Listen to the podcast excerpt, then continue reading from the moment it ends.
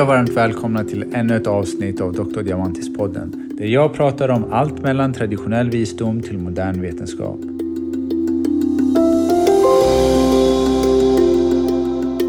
Idag kommer vi prata om IBS, mag-tarmbesvär och hur magen påverkar då hälsan i sin helhet. Hippokrates anses vara läkekonstens fader, i alla fall på vår kontinent och han sa “All diseases starts in the gut”. Elaine Mechnikov, en rysk forskare som vann Nobelpriset, sa “Death starts in the gut”. Vi har hört om magens centrala roll i vårt välmående i mer än 2000 år och först nu har vi börjat förstå att det har rätt. Forskning under de senaste två decennierna har visat att harmhälsan är avgörande för hälsan överlag och att en ohälsosam tarm bidrar till ett brett spektrum av sjukdomar inklusive diabetes, fetma, reumatiska sjukdomar, kronisk trötthetssyndrom och så vidare. Faktum är att många forskare, läkare, terapeuter stödjer denna teori. Men det handlar inte enbart om tarmens hälsa och att återställa tarmbarriärens integritet, men även andra aspekter som stress till exempel.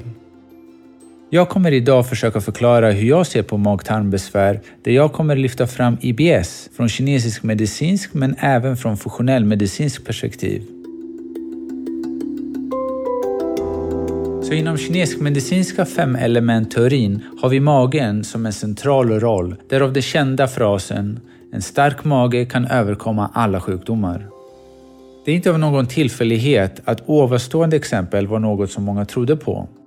Så om vi börjar då med mag-tarmkanalen, vilket tekniskt sett är ett öppet system från mun till en tarm, vilket betyder att det som är i tarmen är tekniskt sett utanför kroppen och det som kommit in i blodomloppet är innanför. Mag-tarmkanalen är ett otroligt komplext system men framförallt tycker jag då att den är otroligt sofistikerad. Tarmslemhinnan som är endast ett cellager tjock kan välja vilka näringsämnen som ska passera och komma in till blodomloppet och vilka som ska ut. Men den är otroligt känslig för vissa saker där bland annat då inflammation och stress. Men om vi går tillbaka och tänker lite på hur våra förfäder levde så hade de inte så många val när det kom till kosten. Det fanns inget utrymme att vara kräsen. Man åt det vad naturen erbjöd och enligt säsongerna. Men idag så hittar vi så många produkter i livsmedelsbutikerna som är mer matliknande egentligen mat. Produkter som inte existerar i naturen, produkter som människan aldrig ätit tidigare och allt detta tillsammans med en rad andra faktorer påverkar hur vi bryter ner maten, ifall vi kan absorbera den eller inte. Men även vår ovärderliga tarmflora som tros innehålla mer än 10 gånger mer mikrober än celler vi har i hela kroppen. Vi skulle kunna säga att vi är mer mikroorganismer än människa. Och på samma sätt som min farfar sa att han inte odlar tomater, men han odlade bakterier. För det var bakterierna i jorden som skapade förutsättningar för stora, saftiga tomater att växa. Så på samma sätt är vi i direkt behov av vår tarmflora. Vi är lika friska som vår tarmflora, brukar vi säga. Där allt fler symptom kopplas till en ohälsosam tarm. Många som upplever mag-tarmbesvär börjar med symptom som uppblåst mage efter mat, smärta eller obehag, gasig, diarré eller förstoppning eller en kombination av båda. Väldigt många som kommer till mig kommer med eller utan diagnosen IBS som står för Irritable Bowel Syndrome, vilket vi här i Sverige beskriver ofta som funktionellt tarmbesvär. Från ett kinesisk medicinsk synpunkt så är det vanligaste besvären som jag ser i min klinik något som vi kallar för stagnerad lever. Vad det betyder ska jag snart förklara, men även ett mönster som vi kallar för levern attackerar magen. För att förstå varför kineserna använde sig av sådana metaforer var för att man inte hade några avancerade medicinska instrument tusentals år sedan, så man var istället tvungen att använda sig av just olika metaforer för att beskriva problematiken. När vi tänker på matsmältningen och absorptionen av mat tänker vi oftast på magsäcken, tolvfingertarmen, tunntarm, tjocktarm. Vad vi glömmer är ofta levern. Levern har en rad olika funktioner, men när det kommer till matsmältningen som producerar den galla som hjälper till att spjälka maten. Utan tillräcklig nedbrytning av maten kan vi inte ta upp näring. Och det är just därför vi inte är vad vi äter, men vi är vad vi kan absorbera. Så när det kommer till hälsa så handlar det inte bara om vad vi äter, men även när vi äter och hur vi äter. Enligt kinesisk medicin relaterar man olika känslor till olika organ. För hjärtat är det glädje, vilket man ser att det känns varmt om hjärtat när man skrattar och är lycklig. Magen är oro, vilket känns som en sten när man är konstant orolig. Njurarna är rädsla och det är anledningen till att barn kissar på sig när de blir riktigt rädda. Och levern är irritation, frustration, stress, ilska, men även när någon hyser agg mot någon. Alla de känslor som är kopplade till levern påverkar dess funktion, vilket vi kallar för stagnerad lever. En lever som varit stagnerad en längre period kan utveckla, som vi kallar det då för hetta, vilket uttrycker sig i ilska och därav ordet hetlevrad. Jag tror att kunskapen fanns en gång i tiden även hos oss här som bodde i Sverige, men har försvunnit. Vad som finns kvar i självaste uttrycket. Men om vi går tillbaka ännu ett steg kan vi säga att vårt centrala nervsystem har två faser. Vi kallar det för sympaticus, vilket kallas för fight or flight, och parasympaticus, som även kallas för rest and digest, men även detox, rejuvenate, rebuild. Så för att förstå IBS, men även andra mag-tarmbesvär, måste vi även förstå denna aspekt av kroppen. För när vi är i fight or flight, vilket egentligen var utvecklat för att hjälpa oss överleva pragmatiskt, till exempel att en björn jagar dig, så bryr sig inte kroppen om att bryta ner maten på rätt sätt eller ha en bra tarmfunktion. Det gäller bara att överleva. Men dagens hot är psykologiska och inte pragmatiska. Vi bär på den psykologiska björnen så att säga, vilket gör att vi inte kan springa ifrån den. Den psykologiska stressen, som alltid är en del av mina komplexa patienternas åkommor, kommer just ifrån vad vi kallar för the stress of becoming. Att bli någon eller något. Men tyvärr så har vi inte utrymme idag att eh, gå in mer i det i detalj, så vi lämnar det till ett annat avsnitt. Men då kroppen följer vårt sinnestillstånd kommer vi inte kunna ha en bra matsmältning ifall vi tittar på en actionfilm eller tittar in i en skärm medan vi äter. För att hjärnan vet inte skillnaden från att titta på en film eller vara i filmen och där, därför vet den inte om mat är på väg ner eller inte. Om vi fortsätter till när så följer kroppen jordens cirkadiska rytm, vilket betyder natt och dagrytmen. Vi har därför en central intern klocka, men även flera perifera. Den centrala sitter djupt i hjärnan medan den perifera sitter i de olika organen, vilket gör det otroligt viktigt att äta regelbundet under specifika timmar på dygnet. Men ny forskning har visat att även våra tarmbakterier följer dag och nattrytmen, trots att de befinner sig, ja på engelska brukar man säga “where the sun don't shine”. Våra tarmbakterier är den mest omtalade bakteriekolonin i eller på vår kropp och vi lever i direkt symbios med dessa bakterier vilket består av tusentals olika stammar vilket blir till miljarder olika bakterier. Dessa bakterier formar sitt egna ekosystem i vår tarm och är icke-patologiska i sin natur. De har en rad olika funktioner såsom att tillverka olika näringsämnen och förhindra patologiska bakterier att få fäste och så vidare. Det är därför avgörande för vår hälsa att ha så balanserad tarmflora som möjligt genom att förse dem med näringsrik föda, vilket ofta handlar om mycket fibrer. Men ifall mat inte bryts ner tillräckligt högre upp i mag-tarmsystemet så kommer det av besvär att hålla just våra goda tarmbakterier friska. Men om vi ska djupdyka lite och nörda in oss i det här så finns det två områden som är direkt avgörande för vår tarmhälsa och det är tarmfloran och tarmbarriären. Så låt oss gå igenom var och en i sin turordning. Så det första vi nämnde var ju precis tarmen och tarmfloran. Tarmfloran, då pratar vi om tjocktarmen vilket är hem till, som vi tidigare nämnt, 100 miljarder mikroorganismer ungefär. Vilket är en så pass stor astronomisk siffra att ja, vi har svårt att, att, att få grepp på dess magnitud. Några av tarmflorans viktigaste funktioner är då just att främja en normal tarmfunktion i helhet. Det ger även skydd mot infektioner, den reglerar ämnesomsättningen och utgör mer än 75 procent av vårt immunsystem. En obalanserad tarmflora har ofta kopplats till sjukdomar som sträcker sig allt från depression till autoimmuna sjukdomar som Hashimoto's, inflammatoriska tarmsjukdomar och även diabetes typ 1.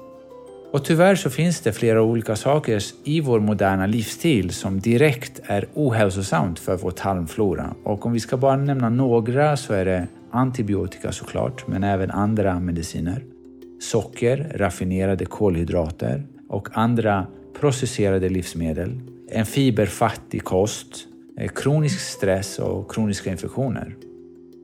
Så när det kommer till antibiotika som är otroligt skadlig för tarmen, där har ju studier länge varnat oss för att använda för mycket antibiotika. Och det är inte bara för att eh, just antibiotikaresistenta bakterier kan utvecklas, men eh, då antibiotikan inte är selektiv så dödar den många av våra goda tarmbakterier, men förändrar även dess sammansättning. Kommer ni ihåg att vi pratade just om att de formar en koloni i vår tjocktarm? Och det är otroligt viktigt just med den speciella sammansättningen också. Så man vill inte bara ha många tarmbakterier men också en stor mångfald av dem. Och vi vet också att spädbarn som inte ammats och föds till mödrar med dålig tarmflora är mer benägna att utveckla ohälsosamma tarmbakterier och dess Begränsade tarmflora kan vara en riskfaktor till övervikt och diabetes, eksem, depression och andra hälsoproblem i framtiden. Så baktarmsystemet är ett ihåligt rör då, från mun till ändtarm som vi tidigare sagt. Och ett av deras viktigaste funktion av tarmen då, eller hela systemet, är att just tillåta saker som inte ska passera in att bara komma ut. Och det är just för att förhindra att främmande ämnen eller otillräckligt nedbrutna delar av mat ska komma in till kroppen. Så tarmbarriären, sa vi tidigare, att den är otroligt sofistikerad men samtidigt otroligt känslig. Och det är för att den är, har endast ett cellager tjockt, eller är ett cellager tjockt. Ja, lika tjockt som när du bränt i solen och flagnar, så otroligt tunn.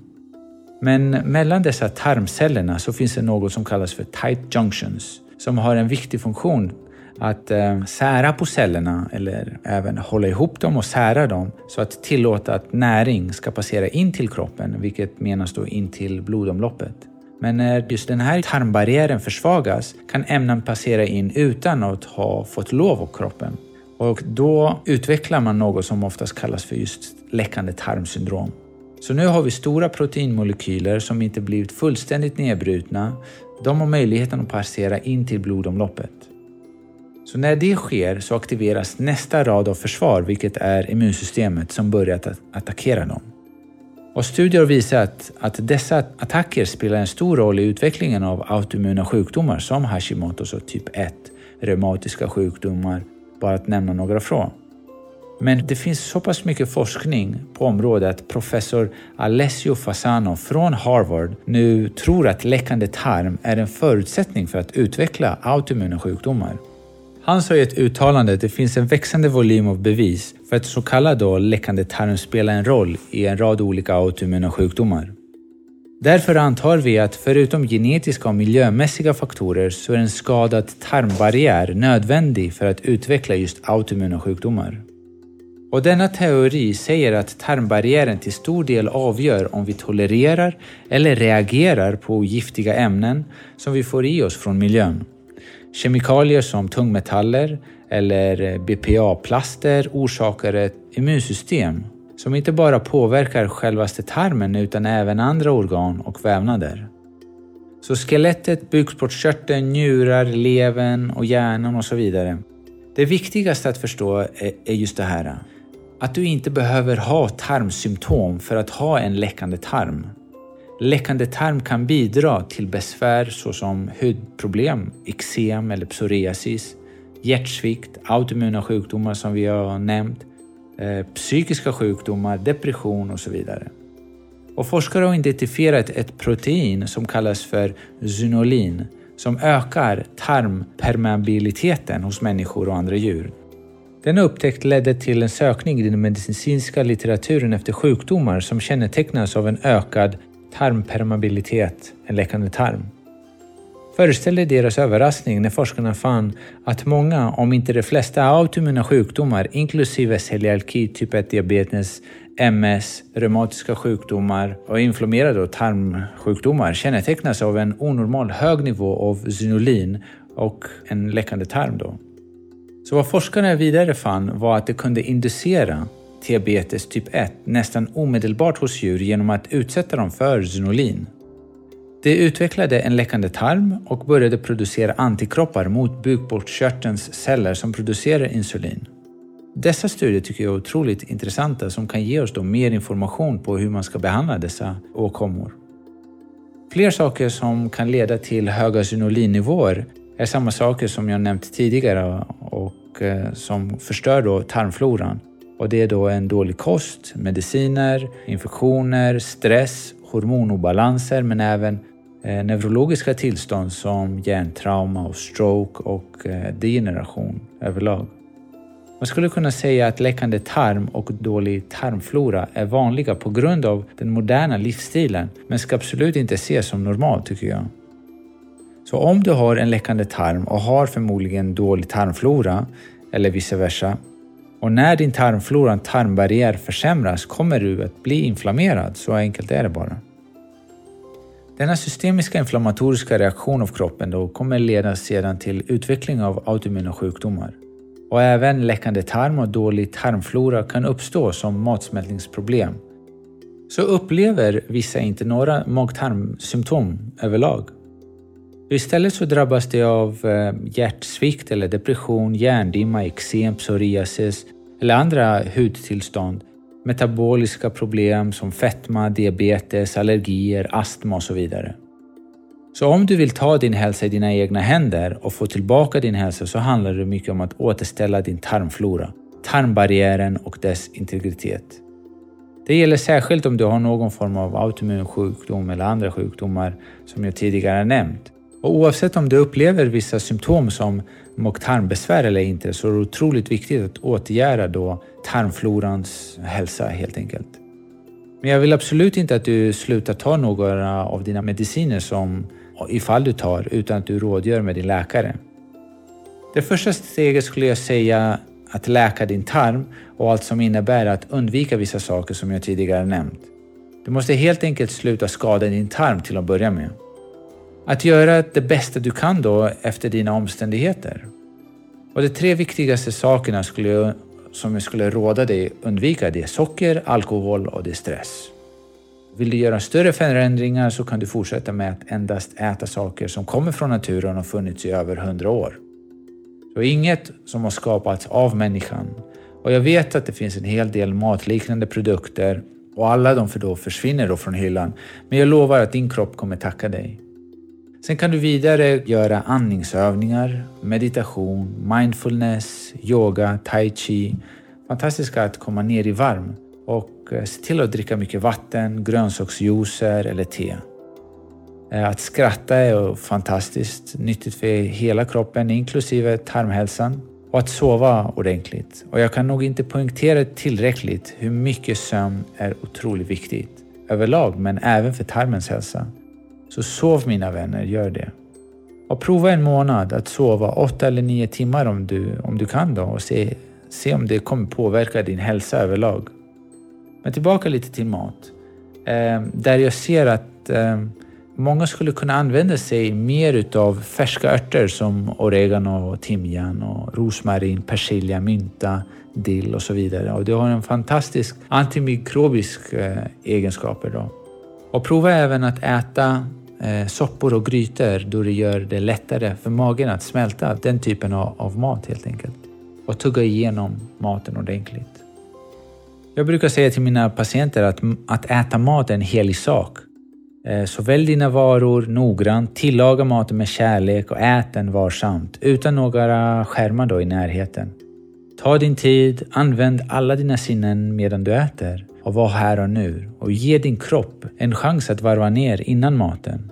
Känn hur magen kurrar och hur du börjar salivera. Och bli tyst inombords och var tacksam för allt som, alla som har bidragit till att just den mat hamnat hos dig. Och tugga igenom då maten ordentligt och drick inte under maten för det späder ut då magsyran. Och efter maten spendera ett ögonblick och bara tacka för måltiden helt enkelt. Detta är vad du kan göra och prova ifall du vill då under en period och se vad det kan göra för din hälsa och din förbättring överlag. Men skulle det vara så att du kommit till en punkt där du känner att du inte förbättras längre så är du varmt välkommen att komma till mig. Så vad jag kan hjälpa dig med det är, mm, när det kommer då till mag-tarmbesvär, det är akupunktur och kinesiska örter som smakar absolut inte gott men eh, Ehm, jag vill bara säga att de är otroligt, ehm, otroligt bra för oss och en bra behandlingsmetod. Tack för att du har lyssnat. Hoppas att det var givande och du fick en ny syn på mag-tarmsystemet och hur det är kopplat till din hälsa i helhet. Jag önskar er allt det bästa och vill du få mer information så är du välkommen att följa mig på min Instagram som är Dr. Diamantis precis som på podden. Ta hand om er och glöm aldrig att du har din hälsa i dina händer.